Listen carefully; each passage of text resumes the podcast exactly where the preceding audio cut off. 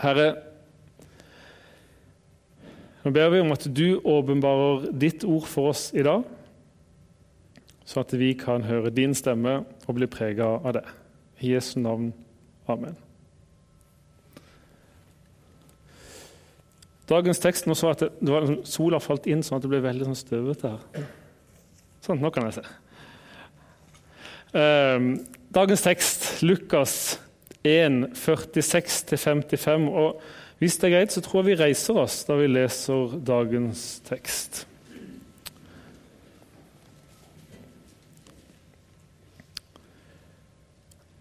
Da sa Maria, min sjel opphøyer Herren, og min ånd fryder seg i Gud, min frelser. For han har sett til sin, ringe, til sin tjeneste kvinne i hennes fattigdom. Og se, fra nå av skal alle slekter prise meg salig. For store ting har han gjort mot meg, han den mektige, hellig er hans navn. Fra slekt til slekt varer hans miskunn over dem som frykter ham. Han gjorde storverk med sin sterke arm. Han spredte dem som bar hovmodstanker i hjertet. Han støtte herskere ned fra tronen og løftet opp de lave.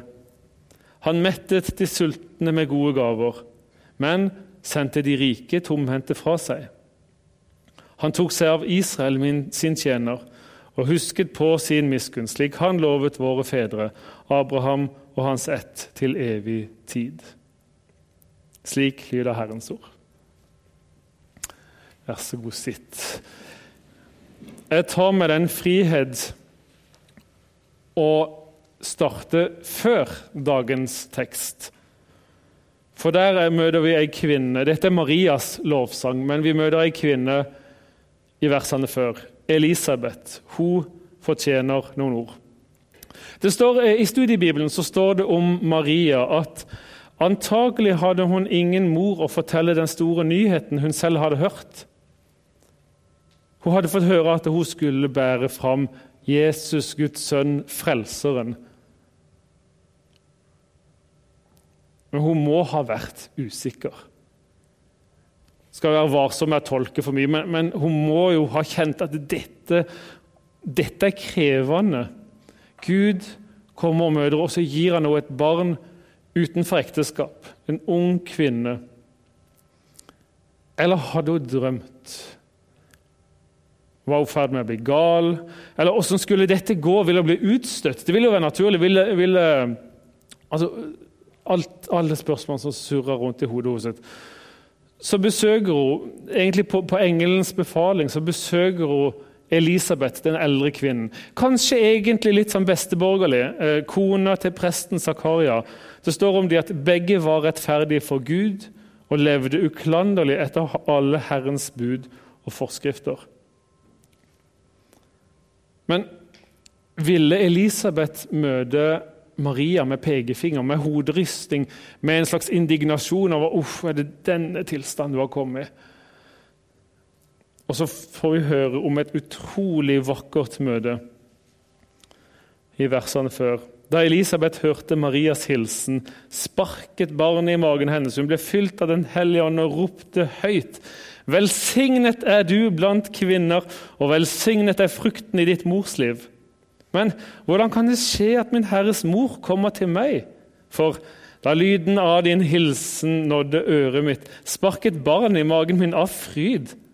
Og salig er hun som trodde, for det som Herren har sagt henne, skal gå i oppfyllelse. Og ut ifra det så våkner lovsangen i Marias liv. Og Det er mitt første punkt. Jeg har lyst til å utfordre oss eller ta med, teksten, ta med dette om å vekke lovsangen i andres liv. Og kanskje ikke minst vær åndelige mødre og fedre som vekker lovsangen i andres liv. Vi trenger flere av de.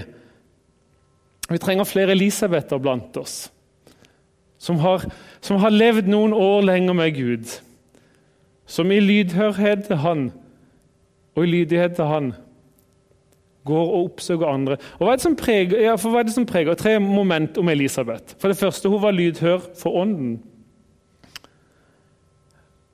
Barnet sparka i magen da hun hørte Marias hilsen. Ja, Var det en tilfeldighet? Eh, hva var dette? En naturlig reaksjon at hun hørte en eller annen kvinnestemme? Nei, Elisabeth vet, og hun blir fylt av Den hellige ånd og sier at eh, dette sparket, det forteller meg noe. Velsignet er du blant kvinner, velsignet er frukten i ditt mors liv. Det var Gud som gjennom babyen Johannes, den, den fremtidige døperen Johannes, for eh, bekrefter, for bekrefter hvem Maria bar på. Vi trenger åndelige mødre og fedre som er var for åndens stemme i deres liv. Og som kan gå bort til andre. Det er det andre punktet å bekrefte Guds gjerning i deres liv. For det gjorde Elisabeth. Etter å ha blitt fylt av Ånden så møter hun, møter hun Maria på en måte som bekrefter henne. Ikke bekrefter hun i seg sjøl, men jeg bekrefter Guds gjerning i det. Og lovsangen ble vekt.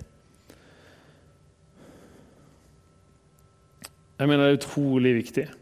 For livet er sjelden en enkel vei. Livet med Gud er ikke en sånn firefelts motorvei som vi kjenner til. her går det greit. Og, og livet er på en måte, så, så, lenge vi bare kommer oss i gang, så vet vi at vi, vi kommer frem.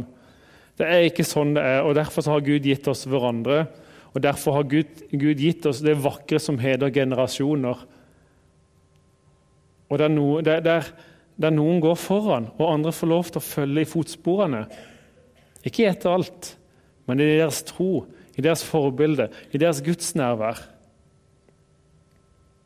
Og vi trenger noen som går foran og snur seg og sier 'Jeg ser Gud i det', og sier ting som gjør Gud stor i de andres liv. Vi og min generasjon trenger dere som er eldre enn oss, som går foran oss som åndelige mødre og fedre. Og vi, vår generasjon, trenger å snu oss og tenke at vi skal være åndelige mødre og fedre i møte med de kommende generasjonene. I bønn, i å se Gud i deres liv. Ikke, eh, ikke i en slags skal vi kalle det åndelig narsissisme, som forteller de og utmerker de er. Eh, men i å peke på Guds gjerning i deres liv, som løfter opp Gud, og som vekker lovsangen til Han i deres liv. For vi kan gjøre en feil der med å velge å si 'så fantastisk du er'. Og Det, det skal vi også gjøre som mennesker. Som, men det kommer en dag der mennesker møter, sånn, møter hverdagen og ser i sitt eget liv og sier at 'jeg er ikke så fantastisk som han sier'. Nei, det er sant hvis det bare handler om meg. Men hvis måten vi bekrefter andre på, peker på Jesus og hans verk, så kan vi få lov til å møte hverdagen på en helt annen måte. Og så inviterte, Jeg syns det er fascinerende det verset som kommer etter lovsangen til Maria. Maria ble hos Elisabeth i omkring tre måneder. Så vendte hun hjem. Det er det tredje på en åndelig mor og far inviterer andre inn i deres liv. Det er gjestfrihet. Og ikke bare gjestfrihet, men det er en ærlighet, en åpenhet, å si at 'velkommen inn i mitt liv' over en lengre periode. Du skal få gå sammen med meg. Jeg skal gå sammen med deg. Kanskje i de tøffeste månedene i ditt liv, Maria. Kanskje. Ja, hun ville møte også en korsfestelse seinere som var tøff.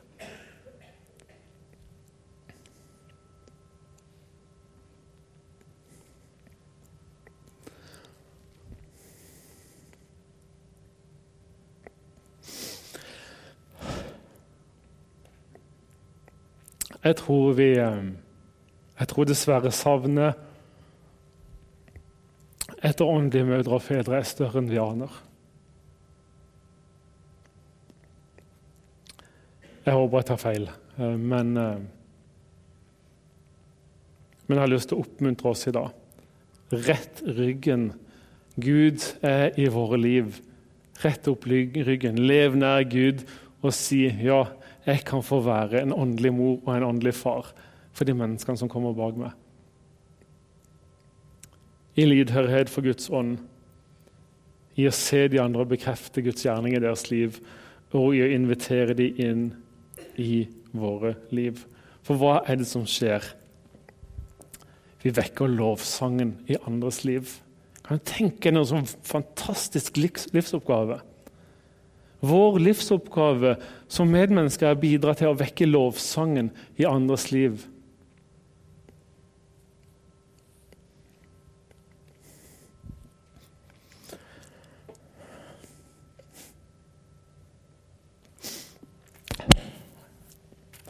Noen har evnen til å snakke samtidig som de griner. Jeg skjønner det ikke. Fantastisk, de heldige.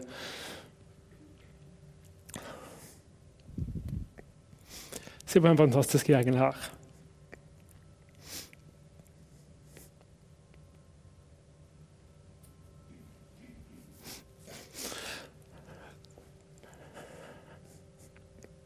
Det koret som står her oppe.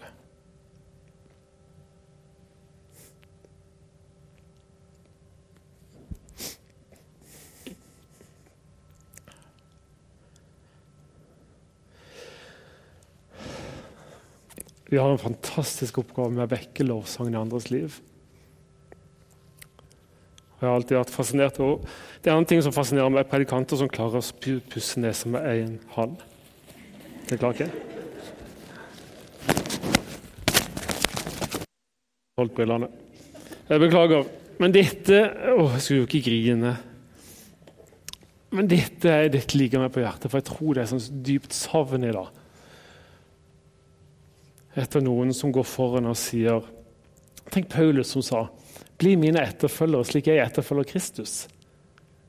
Tenk om vi kunne fått noen som står fram, og det har vi jo, men enda flere som står fram og sier Jeg har noe i mitt liv som jeg ønsker du skal følge etter. Velkommen inn i mitt liv og bli min etterfølger, fordi jeg etterfølger Kristus. Vekk lovsangen i andres liv. Oi, det var den. Da går vi til neste punkt. Lovsangen sentrum er Gud, hans vesen og hans verk. Og Da må vi gå til Marias lovsang når hun sier Min sjel opphøyer Herren, og min ånd fryder seg i Gud, min frelser. Og så sier hun for det første For han har sett til sin tjenestekvinne i, herrens, i hennes fattigdom. Han har sett. Gud er en Gud som ser. Guds blikk det er et avslørende blikk avdekker synd og bringer det fram i lyset. Men nettopp det er også et blikk som elsker, som verner, som beskytter. Og det er et blikk som når langt utenfor menighetens kjerne.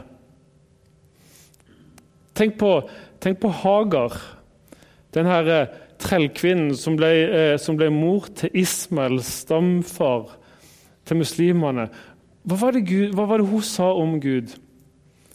Du er en Gud som ser meg tenker jeg noe så vakkert ifra denne kvinnen som hadde blitt ydmyka av Sara og rømt ifra henne. Der ute i ørkenen så, så bekjenner hun Gud, du er en Gud som ser meg. Eller, eller Kain. Da beveger vi oss ganske langt ut av menighetens eh, flotte fellesskap. Kain som hadde drept Abel. Og så får han møte Guds omsorg midt i mørket og midt i den straffen som han også måtte ta. Og Herren satte et merke på Kain for at ingen som møtte ham, skulle slå ham i hjel. Guds blikk vekker lovsangen. Ja, Først så vekker det kanskje ubehag, men det er bare første skritt til å vekke lovsangen. Det handler om Gud som ser. Se opp til han har strål av glede, så skal det ansikt aldri rødme av skam, står det i Salme 34. David hadde opplevd det. Som løfta blikket opp ifra seg sjøl, opp ifra andre og videre oppover. Så ser han der er det en som ser meg, og som har frelst meg. Og som faktisk vi kan se opp til uten å rødme av skam. David hadde definitivt gode grunner for å rødme av skam. Men han hadde møtt tilgivelsen. For store ting har han gjort mot meg, han den mektige, hellig er hans navn. Gud er stor, han er mektig. Han er den tre ganger hellige. Det er vel det eneste, tror jeg, av hans navn som gjentas tre ganger. Og I Bibelen så var det sånn at når du gjentok en ting, så var det for å forsterke det. Gud er den tre ganger hellige Gud. Det må vi aldri glemme. Ærefrykten i møte med den allmektige, den rene, den opphøya. Og han, den tre ganger hellige, har gjort store ting imot det. Jo, han hadde gjort helt spesielle ting mot Maria. selvfølgelig. Hun har en helt spesiell plass i Guds frelsesplan som mor til Jesus Kristus, vår frelser. Men han har òg gjort store ting med oss, og sånn sett står vi likt med Maria. Salme 40 kanskje, Vi kan ikke gå inn på alt han har gjort med oss, men Salme 40 synes jeg oppsummerer kjernen på en nydelig måte. Jeg ventet og håpet på Herren, og så står det Han bøyde seg til meg. Trengte ikke klatre opp til han. Gud steg ned til oss. Han hørte mitt rop. Han dro meg opp av fordervelsens grav, opp av den dype gjørmen. Han frelste meg fra fortapelsen, fra fordervelsen. Han frelste meg fra synden. Han satte mine føtter på fjell. Han ga meg et trygt fundament, en grunn som holder, uavhengig av mine følelser. Han gjorde skrittene faste. Han ga meg et nytt liv, en ny retning med mål og med mening. Han la en ny sang i min munn, en lovsang til vår Gud. Lovsangen sentrum er Gud, hans vesen og hans verk. Og Maria fortsetter. Fra slekt til slekt varer hans miskunn over dem som frykter ham. Guds nåde, barmhjertighet og miskunn er ikke avgrensa til Maria. Fra slekt til slekt. I alle slektsledd så har det vært mennesker som har møtt Guds miskunn, og lovsangen har blitt født. I vårt slektsledd, i vår by. I en tid der noen vil oppleve at kristendom på mange måter står svakere enn ellers. Lovsangen kan fortsatt bli vekt av mennesker som møter Gud, den allmektige, den som er full av miskunn.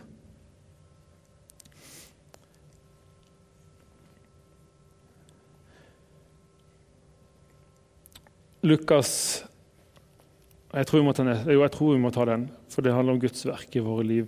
Lukas 7 eh, står det en utrolig sterk historie. Og Vi tar oss tid til å lese den for å forstå lovsangens grunn. Lukas 7, 36 og utover. En av fariseerne innbød Jesus til å spise hos seg. Og han gikk inn i fariseerens hus og tok plass ved bordet. Nå var det en kvinne der i byen som levde et syndefullt liv. Da hun fikk vite at Jesus lå til bords i fariseerens hus, kom hun dit med en alabastkrukke med fin salve. Hun stilte seg bak Jesus nede ved føttene og gråt. Så begynte hun å fukte føttene hans med tårene og tørket dem med håret sitt. Hun kysset føttene hans og smurte dem med salven. Da fariseeren som hadde innbudt ham, så det, tenkte han med seg selv. Var denne mannen en profet, ville han vite hva slags kvinne det er som rører ved ham, at hun fører et syndefullt liv. Da tok Jesus til orde. Simon, sa han til fariseeren, jeg har noe å si deg. Eh, si det, mester, svarte han. Jesus sa to menn hadde gjeld hos en pengeutlåner. Den ene skyldte 500 denarer, den andre 50. Men da de ikke hadde noe å betale med, etterga ham dem begge gjelden. Hvem av dem vil da holde mest av ham? Simon svarte, den han etterga mest, tenker jeg. Du har rett, sa Jesus. Så vendte han seg mot kvinnen og sa til Simon.: Ser du denne kvinnen? Jeg kom inn i ditt hus. Du ga meg ikke vann til føttene mine, men hun fuktet dem med tårer og tørket dem med håret sitt. Du ga meg ikke noe velkomstkyss, men helt fra jeg kom, har hun ikke holdt opp med å kysse føttene mine. Du salvet ikke mitt hode med olje, men hun smurte føttene mine med den fineste salve. Derfor sier jeg deg, hennes mange synder er tilgitt. Derfor har hun vist stor kjærlighet. Men den som får lite tilgitt, elsker lite. Lovsangens grunn er Gud og hans verk. Starter nederst. Det er det siste. Lovsangen handler ikke om vår fortreffelighet. Tilbake til teksten. Vers 51. Han gjorde storverk med sin sterke arm. Han spredte dem som bar hovmodstanker i hjertet. Han støtte herskere ned fra tronen og løftet opp de lave. Han mettet de sultne med gode gaver, men sendte de rike tomhendte fra seg. Gud tenker ofte fullstendig annerledes enn oss. Vi klatrer. Vi har vel egentlig klatra helt siden Adam og Eva spiste av frukten i hagen for å bli lik Gud. Vi klatra da vi bygde Babels tårn for å komme opp til Gud. Fariserene klatra gjennom hele sitt liv for å tilfredsstille Gud og for å bli flotte, åndelige mennesker. Sånn som han fariseeren som sto fremst i tempelet og takka Gud for at han var sånn flott, åndelig mann. Men Gud stiger ned. Mens vi prøver å klatre. Vi når aldri opp. Så stiger Gud ned. Og der nede, helt nederst, det er der lovsangen starter. Den som har fått tilgitt mye for å snu på det hos han sier. Elsker mye. Det er derfor Gud sier til Paulus i 2. Korinterbrev om Min nåde er nok for deg, for min kraft fullendes i din skrøpelighet. Magnus Malm har omskrevet saligprisningene, og så sier han salige er de rike, de eier verden. Salige er de som alltid er glade, de trenger ingen trøst. Salige er de selvsikre, de skal innta landet. Salige er de vellykkede, de skal mettes. Salig er de sosialt kompetente, de trenger ingen barmhjertighet. Salig er de høyt utdannede, de er verdens guder. Salig er de som får være i fred, de skal kalles lykkens sønner. Salig er de som har et fleksibelt syn på rettferdighet, de tar seg frem i verden. Sånn beskriver han vårt samfunn i dag, og så sier han verden er i de sterkestes vold. Vi har en verden som elsker vinnere. Og så kommer Jesus, og så elsker han taperen. Husker jeg hørte en sang som heter 'Jesus is for losers'. Fantastisk sang på 90-tallet. Det høres jo veldig rart ut. Det handler om Jesus som sier 'Salige er de fattige i ånden, for himmelriket er deres'. Salig er de som sørger, for de skal trøstes. Salig er de ydmyke, for de skal arve jorden. Salig er de som hungrer og tørster etter rettferdigheten, for de skal mettes. Salig er de barmhjertige, for de skal få barmhjertighet. Salig er de rene av hjerte, for de skal se Gud. Salig er de som skaper fred, for de skal kalles Guds barn. Salig er de som blir forfulgt for rettferdighets skyld, for himmelriket er deres. Der nede, der vi er fattige i ånden, helt nederst, når ikke vi har noe annet å ty til enn å rope vår nød til Gud Der hører han vårt rop, drar oss opp av fordervelsens grav, setter våre føtter på fjellet og gjør de faste. Der vekkes lovsangen. La oss få leve der, i den strømmen for Guds nådestrøm, som alt annet vann, livets vann, renner også nedover og stopper opp på det laveste punkt. Kan vi sammen bidra til å vekke lovsangen i hverandres liv? Amen.